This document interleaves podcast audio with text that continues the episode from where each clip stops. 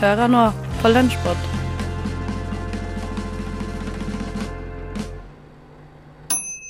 Taylor Swift elevates the word perfection. She looks amazing. I love that the boots match the dress. Oh, I know, like perfectly. Like that is a set. Uh, I'm not crazy about it. I'm bored. I'm sorry. Man, I'm so underwhelmed. I almost fell asleep. It's like she took a list of everything that would look tacky in the color black and then put it on. It looks like black. her friend invited her out and she just put something together. I I'm a little frightened, but in a good way, by this outfit. Like she's giving me all the vibes. Yeah. I like it. I like it. I like it like that. I love this, Renee. I love this.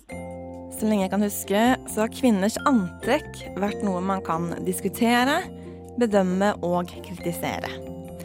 Spesielt om du er skuespiller, forfatter, politiker, kongelig, artist, eller bare på en eller annen måte er et kjent ansikt. Og er det noe som er blitt fremstilt som viktig, så er det å være best kledd. Og la oss ikke glemme.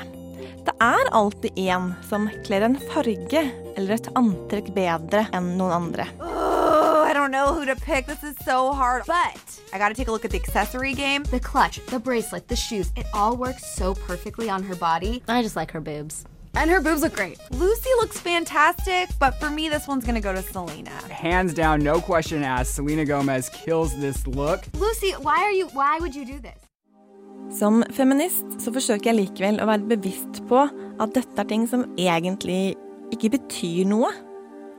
Et bra antrekk er et antrekk som man føler seg behagelig i.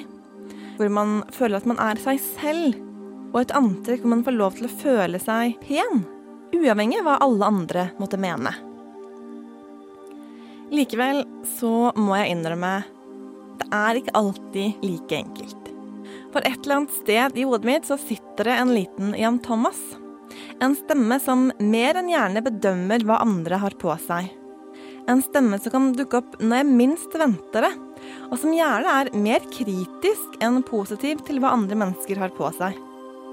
En stemme som må møtes med stadige påminnelser om hva jeg faktisk ønsker å stå for, og som er like kritisk til mine egne antrekk da jeg står foran speilet, hjemme eller i et prøverom, som til alle andre.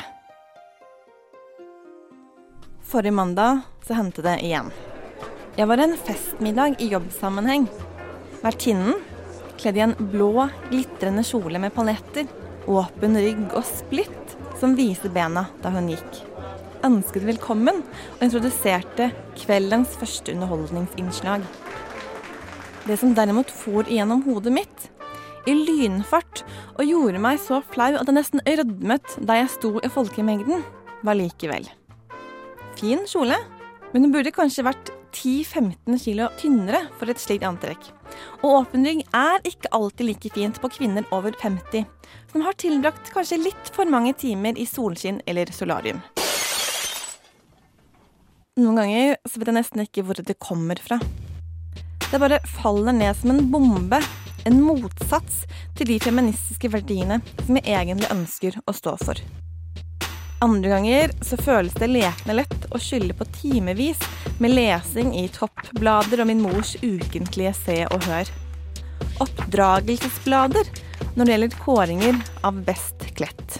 This Grammys look, this put dresses on the map. I don't know if this is the best Grammy look of all time, but it is easily the most memorable. I was gonna say iconic is the only word to describe this J-Lo look. Selv er jeg vokst opp med kvinner i familien som stadig bedømmer andres antrekk. Ikke fordi at de er så kritiske nødvendigvis til hva alle andre har på seg, men mer fordi de syns det er litt gøy å studere andre mennesker. Og folka får jo uansett ikke greie på hva vi mener. Jeg derimot var tenåringen som mente det var ustyrtelig pinlig at man uten hemninger skulle bedømme klærne, frisyren eller sminken til vilt fremmede mennesker. Mennesker som man gikk forbi på gata, eller som man observerte gjennom vinduet på kafeen der vi satt og drakk te og kaffe. Senere studenten som ristet oppgitt på hodet og himlet litt flau med øynene. Jeg har mer eller mindre fått inn med morsmelken at det er uproblematisk å anmelde hvordan andre mennesker kler seg. For ikke å si de gangene jeg selv har fått servert, som på et sølvbrett, av en familie som bare ønsker det beste for meg. Den fargen, eller det snittet, eller den lengden, er vel kanskje ikke det mest kledelige på deg. Takk for den, liksom.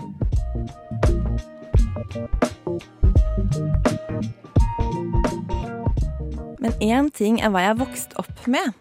En annen ting er hvorfor slike meninger faller ned i hodet på meg selv en dag i dag. Hvorfor være så kritisk til andre mennesker? Hvorfor ikke bare la folk være som de er? Jeg har ingen svar. Kun vissheten om at dette er en av mine dårligere sider. En side som jeg forsøker å skyve så langt bak i hodet som mulig. Mentalt pakke det inn i pledd og putte det inn i mørke skap. Men som likevel spretter ut helt av seg selv når trollet en sjelden gang finner det for godt. Det er stemmen som, i likhet med barndomshelten Lille My, liker å si ting akkurat slik de er. Bortsett fra at det er jo ikke helt slik likevel. For er det ikke egentlig kun mine egne subjektive meninger, rettet mot kjendiser og andre fremmede mennesker, som gjør meg til en slags overdommer når det gjelder hva som er pent og ikke? Og som på et øyeblikk tryller bort mine egne verdier så fort noen kommenterer en skuespillers antrekk på rød løper, for så å spørre meg. Er du ikke enig?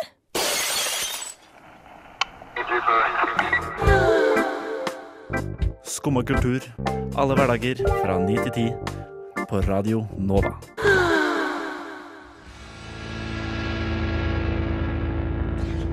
Der fikk du The Camel Toes med Dama runka også. Og apropos camel toe, eh, så har det seg nemlig slik at eh, det er en ny trend ute og går i den vestlige verden. Eh, en trend som oppsto, oppsto i Asia, egentlig, for lenge siden. For ti år siden. Nemlig camel toe-trenden. Ja. Trenden. Ja. Og nå tenker du sikkert på hva, hva betyr det? Eh, for det første, da, eh, bør vi vel forklare hva camel toe er. Eh, for den som ikke kjenner til det konseptet. Den som ikke har blitt offer for Ja. eh, vet du hva camel toe er, Simen? Ja. Ja. Kameltå på godt norsk. Eh, det er jo slik at eh, oss jenter blir veldig sånn fnisete, men for å si det rett ut, og så har kjønnslepper, rett og slett. Og hvis buksa sitter for trangt på, så ser den de, deg. Den ser deg. Ja. ja. Og det heter camel toe. Og nå har det seg nemlig slik at jeg får greia det at oss jenter vil jo helst unngå det. Og så vil jo helst unngå å vise fram skrittet vårt. Ja.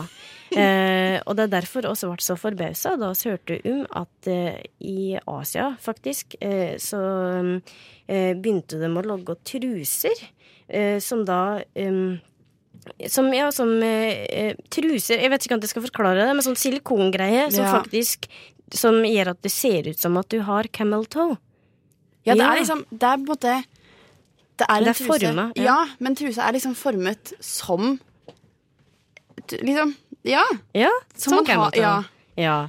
Eh, og eh, nå har den trenden kommet til i hvert fall eh, Storbritannia Eller ikke Storbritannia, men egentlig Vesten Mm. gjennom Amazon og eBay. At du kan kjøpe den type truser der.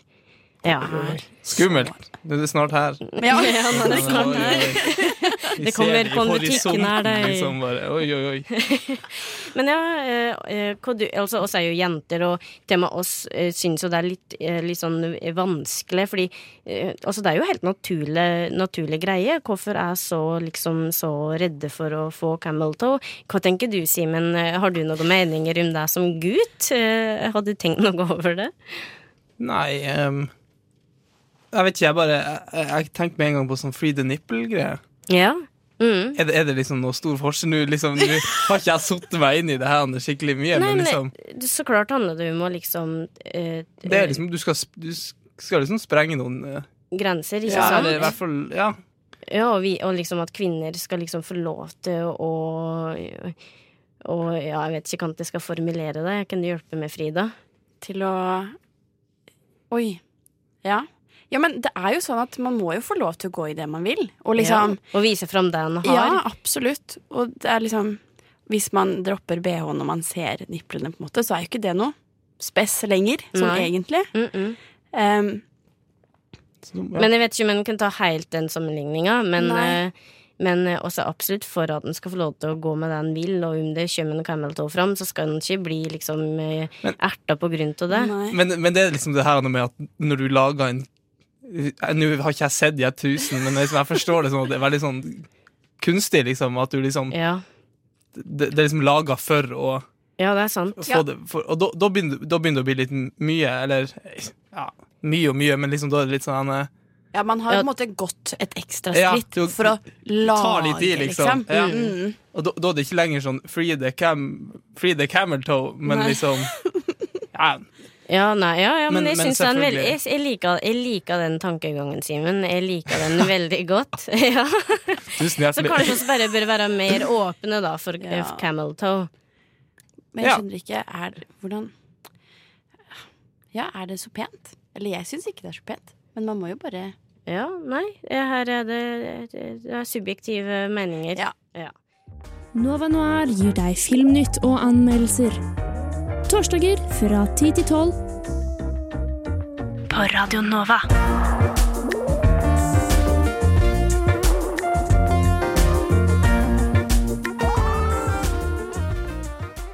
Tesk med Hideout rett eh, inn i øret ditt. eh, Radio Nova og Nova Noir. Mitt navn er Tage, og jeg sitter her med Ludvig og Miriam, og vi snakker om shame. Fassbender, Steve McQueen, sexavhengighet. Og eh, vi snakket jo om tidligere at han har et veldig komplisert forhold til søsteren sin Sissy. Og eh, det kanskje en av mine store spørsmål når jeg så filmen, var um, hva slags Hvordan ser Brandon, altså Fassbender sin karakter, på Sissy? Hva er det som gjør at han på en måte ikke vil ha henne i livet sitt? da? For at veldig tidlig i filmen så hører man at hun legger en beskjed på telefonsvareren, og han vil aldri høre på det eller ringe henne opp igjen. Så, til slutt så må hun bare liksom overraske han med å dukke opp. Og hvorfor? Hva er det store spørsmålet? Ja, og du merker jo eh, en ganske sånn rar spenning mellom de. eh, som jeg egentlig tror at eh, man kan relatere til hvis man har søsken eh, som er eh, av det andre skjønnet. Eh, og det snakker han om. Han har, Steve McQueen sier at han har, han har en søster. Og det samme Michael Fassbender har en søster. Og Carrie Mulligan har en bror. Så de liksom visste veldig om denne sånn eh, mot, eller eh, friksjonen da, som kan være der. eh, som på en måte nesten uunngåelig også blir seksuell. På en måte. Eh, Høres veldig incestuøs ut, men, men eh, ikke fordi de nødvendigvis vil ligge med hverandre, men fordi at dette her er et menneske av det andre kjønn. Eh, og spesielt når Brandon er den han er, og er, har et sånt type forhold til sex, så eh, det å liksom ha en søster som er så vakker, og eh, hun er jo veldig seksuell. Hun kler seg veldig seksuelt, og hun er ikke noe redd for å vise liksom, kroppen sin eh, til Brandon også. Mm. Eh, det kan hende det er der mye av spenningen ligger, da, for han. Ja. Jeg syns det interessante er at vi ser Brandon med Altså, hans forhold til kvinner fram til han møter søsteren, har jo bare er jo bare seksuelt. At han liksom blikker, ligger med de, onanerer osv., osv., osv. Ser på eh, kollegaen sin med dyrisk blikk og går rett til do og onanerer. Mens og første gangen man ser han og søsteren sammen, så er jo søsteren på badet og bader naken, og du ser henne naken i speilet. Så det er veldig sånn interessant på en måte kontrast, eller ikke kontrast, men liksom Han har bare vært med kvinner seksuelt, og så står han her foran søsteren sin naken. Klarer han å på en måte skille hennes nakenhet med sin egen seksuelle lyst, da? Det var det jeg tenkte på når jeg så det. Litt uh, incestuøst. eh, eller frykten for det, kanskje. Ja, og noen har jo på en måte spekulert i om kanskje det er det som har skjedd mellom dem eh, før. At det er det som er det, det traumatiske som de har, og som gjør den, det usagte. Eh, og Steve McQueen har jo kommentert på at det er på en måte ikke hans intensjon. Altså Han sier aldri noe eksplisitt at det, de har et incestuøst forhold, eh, men at det, på en måte det seksuelle mellom dem, eh, det er jo der. Ja, og så kanskje han frykter sin egen eh, avhengighet, hvis han er klar over den selv. Som om det hadde kommet en eh, kompis på døren hans med heroin, hvis han var heroinist, liksom. Dette kommer ikke til å gå bra. Uh, men jeg tenkte Det er en veldig, veldig interessant teori. For jeg tenkte ikke egentlig på den før vi prata sammen tidligere i uka. Og ja. Ja, for at jeg så jo filmen for første gang for to dager siden, og jeg la jo veldig merke til at første gang han ser henne, så står hun naken. Og, og så går han ut av badet, og han har sånn der eh, blikk som sier veldig mye, da, og du kan legge mye inn i det. Men det er også eh, tegn som er der, som man kan tolke som man vil. Men jeg tolker det som at han, altså hans store skam er at han også er tiltrukket av søsteren. Og at kanskje aldri at de hadde gjort noe sammen, men det er kanskje en av grunnene til at han skyver henne vekk fra livet sitt, for at han har så mye uh, skam inni seg med at han er tiltrukket av henne.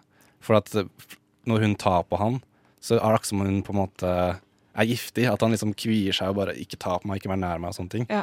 Og eh, det er en scene hvor han kommer hjem etter å ha jogget eller noe sånt, og så legger hun seg i senga hans og liksom vil bare snøgle. Og så er han sånn 'Sissy, kom deg til senga mi'. Og så repeterer han det sånn to ganger, og så klikker det helt for han. Bare kom deg til helvete av rommet, liksom. Ja, sånn det, det er ikke normal Nei. reaksjon til å være litt annoyed i det hele tatt. Det går litt tilbake til uh, frykten hans for følelser. Mm. Kanskje i hvert fall det, minimum. Eh, men det er jo det, altså det går jo tilbake til det store spørsmålet hva er det som har skjedd mellom de to. Eh, og at vi ikke vet det sånn uh, spesifikt, uh, syns jeg bare gjør uh, historien bedre, egentlig. Mm. Og uh, det er jo en interessant kontrast ved at han eh, tidlig i filmen drar hjem med sjefen sin og Sissy, og så hooker Sissy opp med sjefen hans, og han Mm. liksom virker sjalu og liksom river seg i håret, og man klarer liksom ikke å høre på at de liksom kysser, og hun begynner å stønne videre i rommet hans. Og han liksom, han klarer ikke fysisk å være til stede hvor han liksom hører dette her, så han løper jo vekk på joggetur. Mens på slutten av filmen så skjer det noe sånt at han må komme seg til henne, og Mm. da løper han veldig sånn manisk til henne. Så jeg føler at det er en sånn interessant si, karakterutvikling i filmen. da. Ja, ja og, og det er egentlig noe som er ganske interessant. Den der, uh, At han er veldig sånn Han er ganske kjip mot henne. Egentlig veldig slem i veldig mye av det han sier. Og han gir henne liksom ingen kjærlighet. Uh, men så har du disse øyeblikkene hvor du merker at han er veldig veldig glad i henne også. Sånn, uh, en scene som jeg synes er veldig vanskelig å tolke, når hun synger eh, Hun er jo en musiker, og så drar han og ser på henne synge i en sånn New York eh, høy restaurant-type sted. Og så ser du at han begynner å gråte. Eh, og dette er jo en mann som liksom ikke viser henne noe følelser, uh, svarer henne så vidt når hun prater til han. Den uh, Jeg vet liksom ikke helt hvordan jeg skal tolke det, annet enn at han er veldig glad i henne, og kanskje det minner han på liksom, tiden før, som han har prøvd å stenge ute. Mm. Og også det du sier på slutten, så er han jo veldig Det, er også det som skjer mot slutten, er jo en sånn varme. Ja. Mot har egentlig sagt det, men jeg kan si det en gang til. Radio Nova. Radio Nova. På, DAB og nettradio. på radionova.no. Jeg har egentlig sagt det, men jeg kan si det en gang til. Radio Nova. Den femte statsmakt. Radiotjenesten. Det er mange ubesvarte spørsmål knyttet til Helge Ingstad-ulykken. Radiotjenesten er så heldige å få tak i et lydopptak med kommunikasjonen mellom skipene, noe som kan oppklare mange av spørsmålene rundt ulykken. La oss høre. Ferdig VTS til Helge Ingstad, er dere som ankommer nå, over. Helge Ingstad, eh, nei, det er ikke oss, Uh, over. Haha, nå skjønner han ingenting. Den er grei. Faen blir digg med en ukes permisjon.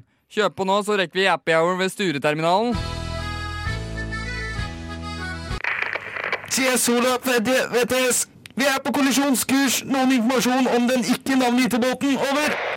Eh, nei, er, eh, det er ikke rapportert oss, eh, over. Kan det være Helge Ingstad, over? Nei, det var det ikke. Absolutt ikke. Over. Det sier de alltid, over. TS Sola søker Helge Ingstad. Yo, skjer! Ikke drep den gode stemninga. For all del ikke, men om du ikke gjør det nå, så kommer vi til å kollidere. Mottatt. Hva ville Sola? Nei, Han sa vi måtte gjøre noe Noen som er noen fete drikkeleker. Ja, faen, Storleken eller noe? Han sa fete og drikkeleker. Come on. Hva var Bonska? Ja, den kan jeg like. Ja. En, to, tre, bånski! Faen, den tok du som en mann. Ja, ja, ja, ja.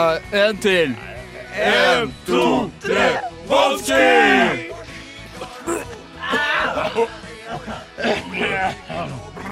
Har vi, ha, har vi flere flasker med sprit? Hadde bare med meg to, så nå er jeg tom. Ok, la oss spille Jeg har aldri, så får vi spart litt på å også. kjempe- Ja, Jeg har en bra en. Jeg har bra en. Jeg har aldri hatt anal.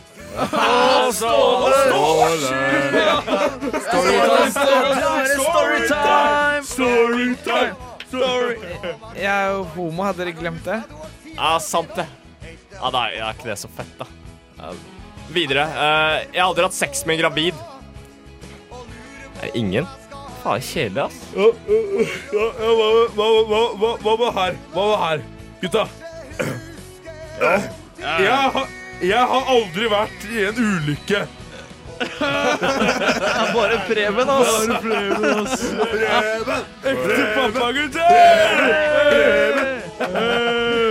Ja, ja. har aldri hatt lappen i mer enn ett år. Alle har gjort det. Ja, det var fyllekjøringa, det, ja. Det er jo. Det er heftig, ass. Og ja, ja, ja. Jeg har aldri lekt, jeg har aldri på en båt uten at noen styrer. Alle, alle må drikke, alle Alle, alle, alle må drikke. Uh, ja, min tur. Eh, jeg har aldri styrt en båt før jeg kom hit. Er det bare jeg som har styrt en båt før?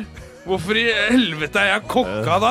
det var alltid overdrevet på, på, på, på CV-en. Da, da får du Ja, jobben. word, ja, ja, ja, det altså, jeg har vært kaptein så fem somre.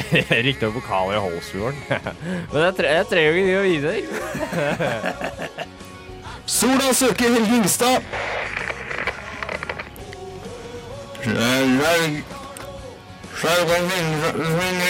Svaret. Brei styrbord. Motsatt. Greit, motsatt. La oss svinge babord over.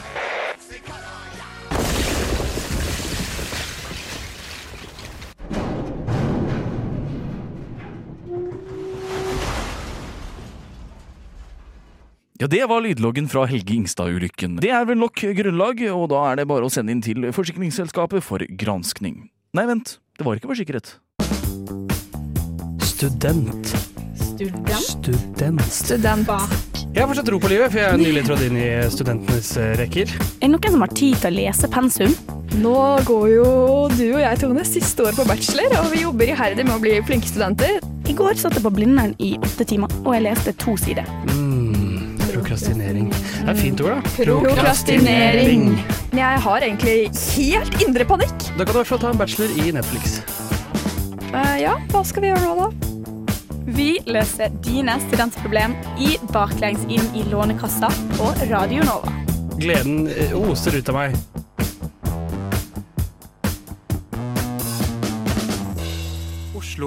Norge, Europa, verden vrimler av forskjellige universiteter og institutter. Og da kan man jo tenke seg fram til at studieretningene man kan velge er uendelige. I hvert fall til en viss grad. Her skal jeg leke meg litt. Finnes det virkelig en studieretning for alt, og fortjener ikke dette en spalte? Eh, jo. Vi spiller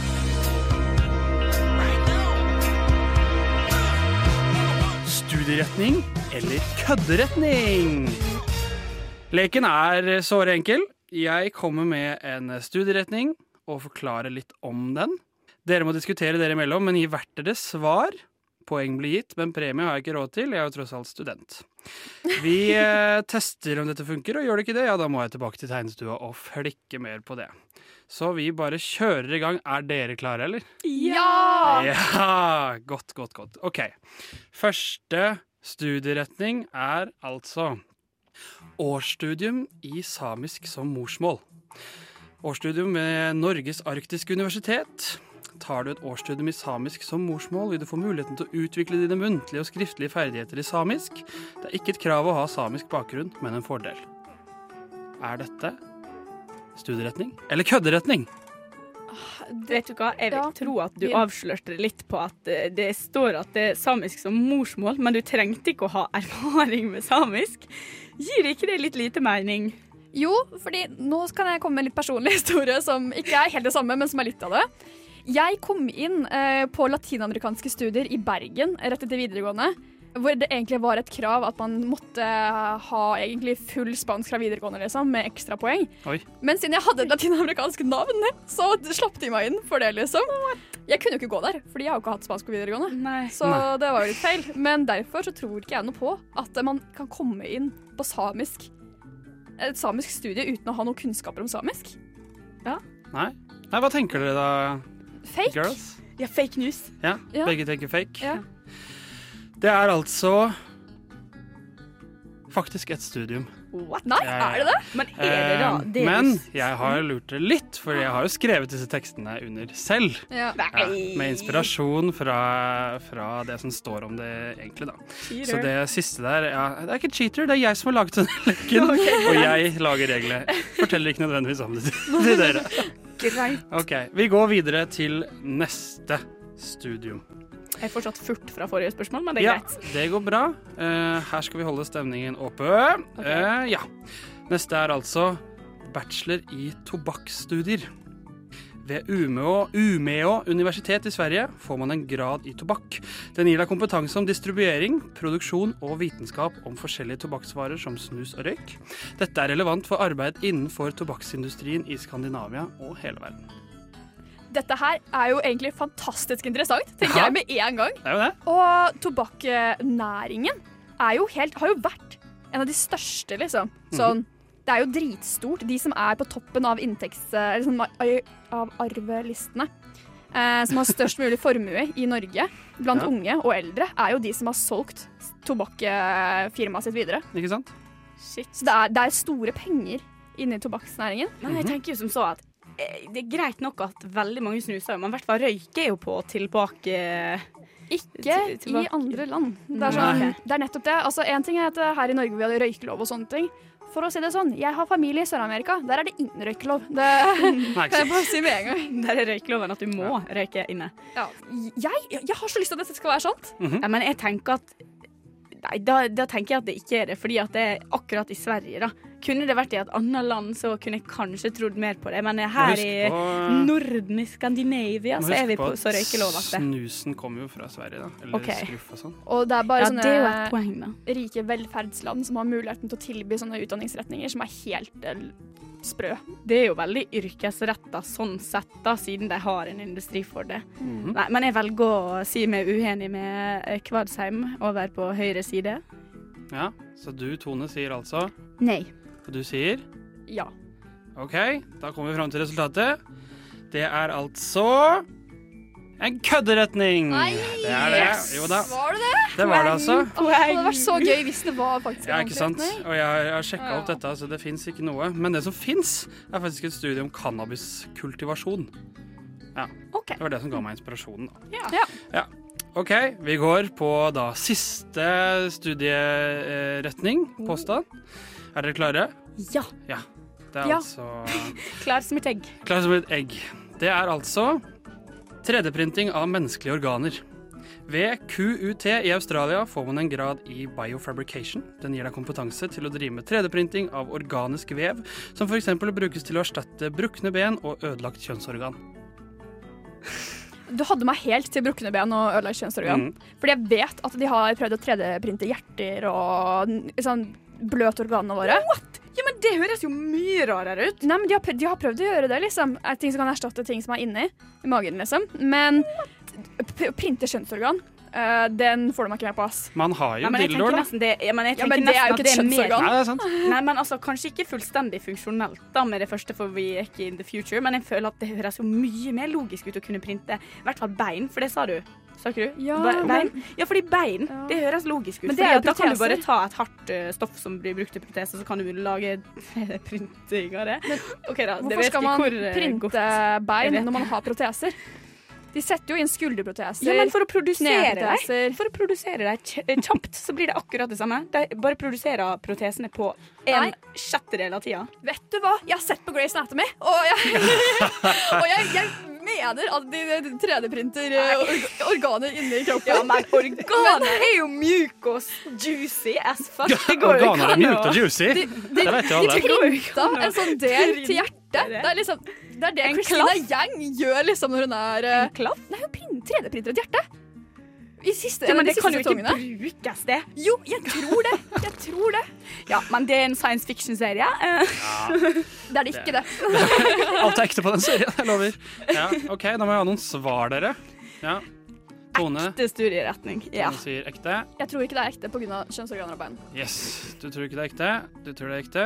Svaret er altså Det er en ekte studieretning. Yes, yes, yes, yes, yes. Men jeg har selvfølgelig flikka litt på teksten, og det kjønnsorganet det står jo ikke i teksten, selvfølgelig. Det har jeg lagt til for å gjøre det litt, eh, litt spennende, da.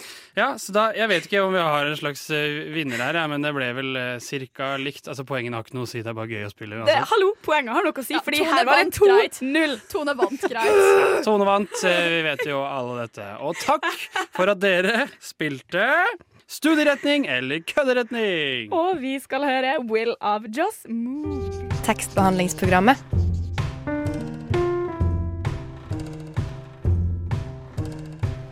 Tekstbehandling på radio.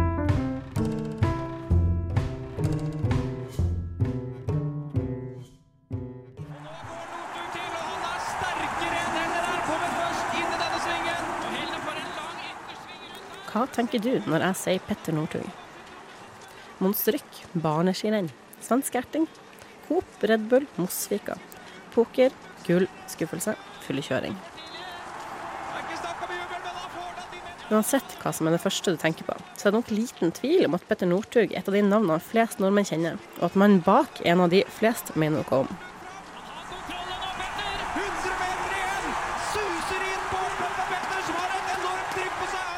Spenninga rundt Northug holder på å bygges opp nå når vinteren nærmer seg, og skikongen er klar før sesongstarten på Beitostølen til helga. På samme måte prøvde forlaget Pilar å bygge opp interessen rundt boka 'Petter Northug min historie' da den kom for ca. to uker siden. Han snakker ut om fyllekjøring. Han beskyldes for å oute av Lars abort, men gjør han jo det? Jeg måtte selvsagt lese boka. Det skal sies at jeg er lettrørt, og at jeg alltid har vært veldig fan av Petter. Men allerede et par sider innen den 244 sider lange boka var øynene våte for første gang. Northug forteller historien sin til Jonas Forsang, som for øvrig har skrevet bl.a. landets mest solgte biografi om Petter Stordalen, så han vet hva han driver med. Forsang er en effektiv og dreven forfatter. Er det noe ved historien som berører, så kjører de på med det. Forholdet mellom Petter og bestefaren. Outsideren som taper og taper og taper, men som gjerne vil vinne. Og som til slutt, tross all motstand, klarer det. Siste utforkjøringa, se på det rykket! Nå er det voksen skiløper Petter Northug! Nå er du verdensmester! I boka forteller den sjenerte skiløperen som hisser på seg motstandere og lagkamerater med sine bredale utsagn og provoserende oppførsel om nettopp dette. Han forteller om oppturer og nedturer. Han legger ut om forberedelser og oppladninger til ulike renn av ulik betydning. Han går kort gjennom historien om den fatale byturen og den påfølgende kjøreturen i 2014, og arbeider for å komme tilbake på rett skispor etterpå. Det er her boka er best, når han forteller i detalj om motgangen, medgangen og tankene som følger nevnte. Det er ikke så mye nytt av juicy karakter mellom permene, men for folk som liker skisport, eller en av Norges mest profilerte menn, så syns jeg definitivt at den er verdt å lese. Northug slapp seg sånn kjempelangt inn i tankene om dametilbud, Aylar eller eksen Rakel Nordtømme. Men det får være greit. Selv om alt rundt han kan være spennende og ikke minst salgbart for pressen, er det idrettsutøverne som er mest interessante. Jeg savner enda mer om hvordan han sjøl opplever presset for å være morsom og småprovoserende. Jeg, jeg ble skremt når eh, Dyrhaug stivna til siste bakken, for jeg har sett Dyrhaug stiv før, og da har han prestert bra. Boka tar litt for seg hvordan landslagsledelsen måtte holde han tilbake fra pressekonferanse, sånn at kollegaene også skulle få litt oppmerksomhet. Men det reflekteres lite om hans egen oppfatning av denne rolla.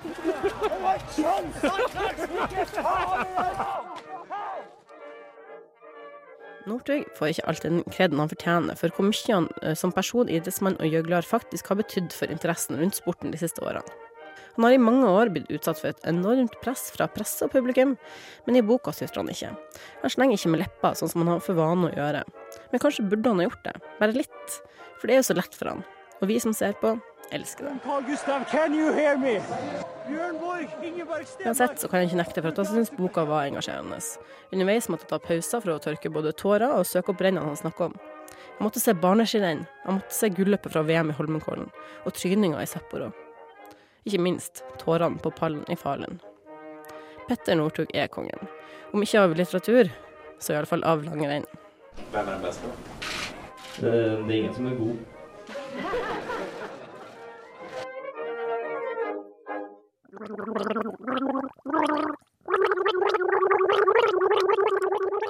Sorgenfri dikter dikt.